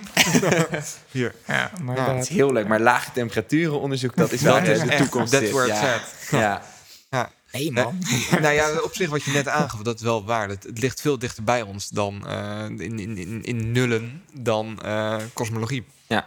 Toch? Ja, nee, maar, maar ja, goed. eh, sorry dat ik daar zo op doordrom. Maar eh, het is juist eigenlijk de vereniging van, van alles. Van het Precies, hele klein, ja. extreem kleine dat is wat mooi tot vind extreem natuurlijk, grote. Dat het gewoon smooth. Universeel geldige wetten, Ja, precies. ja, dat is op precies. elke schaal. Ja. Dat Ja. zou echt heel mooi zijn. Je kan alles verklaren dan. Of alles, alles is heel veel, maar je, je kunt een hoop Ja. verklaren dan. Klopt, ja. En ik, ja, ik denk dat er geen principiële reden zou moeten zijn waarom dat niet mogelijk is. Maar als Ja. dat wel zo is, is dat heel erg jammer natuurlijk. ik als er geen universele wetten zijn. Ik bedoel, dat is, dat Ja. is toch die mooie, abstracte, universeel geldende wiskunde. Toegepast op de werkelijkheid. Dat is wat alle natuurkundigen het mooiste vinden Ja. dat er is En in feite ja. zijn we pas, wat is het, duizend jaar bezig. Dus op een, op Ja, een ja de oude Grieken waren meer Ja. filosofisch bezig. Ja. Ja. Die hebben wel het idee van atomen al bedacht. En die waren Ja. in de sommige opzichten heel eind. In de andere opzichten helemaal de verkeerde kant op. Mm. Dus, maar wat ik meer probeer, op, op een timescale zijn we net bezig. Ja. We weten al best wel wat. Dat Dus is zo, het zou zomaar zo. kunnen dat we vroeg of laat toch eh, een beetje uitgedokterd zijn. En dat er geen eh doctoraat meer te behalen valt in de natuurkunde. Dat, eh, dat zou je in een hoop wetenschap worden, dat soort dingen gezegd. Maar er, er blijven maar nieuwe vragen en meer Mm. takken van wetenschap komen. Ja. En het vertakt meer, er komen meer en meer en meer vragen. Mm. Dus eh, misschien is dat wel helemaal niet mogelijk. Hoewel toch, al, al zou het maar het verenigen van de kwantummechanica en de relativiteitstheorie zijn. Dat is natuurlijk één heel groot ding en dat is gewoon één Ja. enkel probleem. Mm. Zou toch misschien wel oplosbaar moeten zijn. Ik Dan is er het nog hopen. genoeg andere dingen om te onderzoeken, zoals het meetprobleem bijvoorbeeld. Hè? Heb je hem mooi rondgepraat. Ik denk dat we hem... Eh, heb jij nog prangende vragen of dingen die... eh, Nou, ik, eh, ja, maar ik Een denk hele dat ik het, hoop, ja. ja. maar ik denk dat ik dat voor nu even eh, bewaar. Want Wat, heb wat ik wel nog, tof vind om even op te roepen, want het is een heel lastige aflevering geworden. En dat begrijp ik ook voor onze luisteraars. En ik snap ook echt nog niet alles. En ik denk dat ik vanavond ook weinig slaap. Dat het allemaal in mijn hoofd gaat, zeg maar. Heb je vragen of eh, wil je een, een toelichting hebben of wil je er gewoon even over kletsen met iemand? Kom eens even in ons Slack-kanaal. Dat is wel leuk, want dan eh, kunnen we het er misschien een beetje over hebben. Dan kunnen wij eventueel eh, je vragen doorzetten. Ik weet niet of jij het leuk vindt om, eh, ja, om ik heb, ik heb toch een Slack voor mijn eh, onderzoeksgroep. Dus dan voeg ik gewoon een Slack-groep toe en dan kan ik bij jullie mee Ah, vet. Leuk. Lijkt me leuk. Lijkt me ook leuk. Heel ja, leuk. laten we daar dan... eh, nou, misschien maakt een kanaaltje van aan. Of nou, kijken we even hoe ik dat doe. Maar dan, eh, dan gebruiken we dat als, eh, als communicatiekanaal hierover. Ik hoop echt dat we het een beetje begrijpbaar hebben kunnen maken Mag ik voor eh, mensen. nog even een eh ja, round-up doen van heel de graag. Heel moeilijke graag. stof? Ja. Dan heb ik nu, het kriebelt nu enorm als je Gooi zegt het dat het eruit, heel alsjeblieft. Ja, want je bent Ja, dus heel goed in het De uitleggen. dus- kwantummechanica is dus eh, niks zweverigs en vaags. Het is gewoon wiskunde over hoe de wereld verandert, net zoals Newton dat deed. Het is alleen heel erg raar en tegenintuïtieve dingen zitten erin. Maar je kan het zo doorrekenen, we kunnen er kwantumcomputers maken. Het is helemaal begrepen. Wat we niet begrijpen is dat als je iets meet, dat als je de kat meet, dat de kat opeens of levend of dood is. En dat kan je ofwel verklaren door te zeggen dat is een filosofisch probleem, het is geen wetenschappelijk probleem. Of je verzint een andere oplossing. En als die andere oplossing er is, dan zou ik een ruis moeten meten. En die meet ik, maar dat kan ook aan mij liggen. Ja. Ik denk dat dat een eh, Hm. hele korte samenvatting Ja, is dat- van dat- eh, wat dat we hebben ik ook. gezegd. Oh ja, en dat de onzekerheid van eh dat de Heisenberg's eh, onzekerheid van als je goed weet hoe hard je gaat, dat je niet meer weet waar je bent, Hm. dat je dat gewoon kan uittekenen met golven en dat er Hm. niks kwantummagisch aan is. Vond ik, Mm. vond ik een hele goede... Ja, Zeker. dat wil ik nog even Ja. benadrukken. Een hele goede vergelijking ook, hoe je dat inderdaad uitlegde. Mooi. Dan rest mij niks dan eh, naar jullie te bedanken. Ja, ik vond het erg leuk. Ik vond het ontzettend leuk. ik Ehm, vond het ook heel gaaf. ik denk dat ik vandaag een stuk wijzer ben geworden. Echt eh, een hoop geleerd. Dus eh, ik, Ik, denk hoop dat ik ons ook niet ook. slapen zo meteen. Nee, gaat het Ik ben echt bang dat ik onbegrijpelijk ben. Maar ik hoop dat die, Nee, dat die, angst mij alleen maar drijft om eh, begrijpelijker te praten. Misschien geven we je wel een tweede kans. Ik zou niet eens afwijzen. Lieve luisteraars, bedankt voor het luisteren en tot de volgende keer. Live long and prosper. Ciao mag je ook een catchphrase doen. Joep, joep. Hoi, die was nog niet bezet.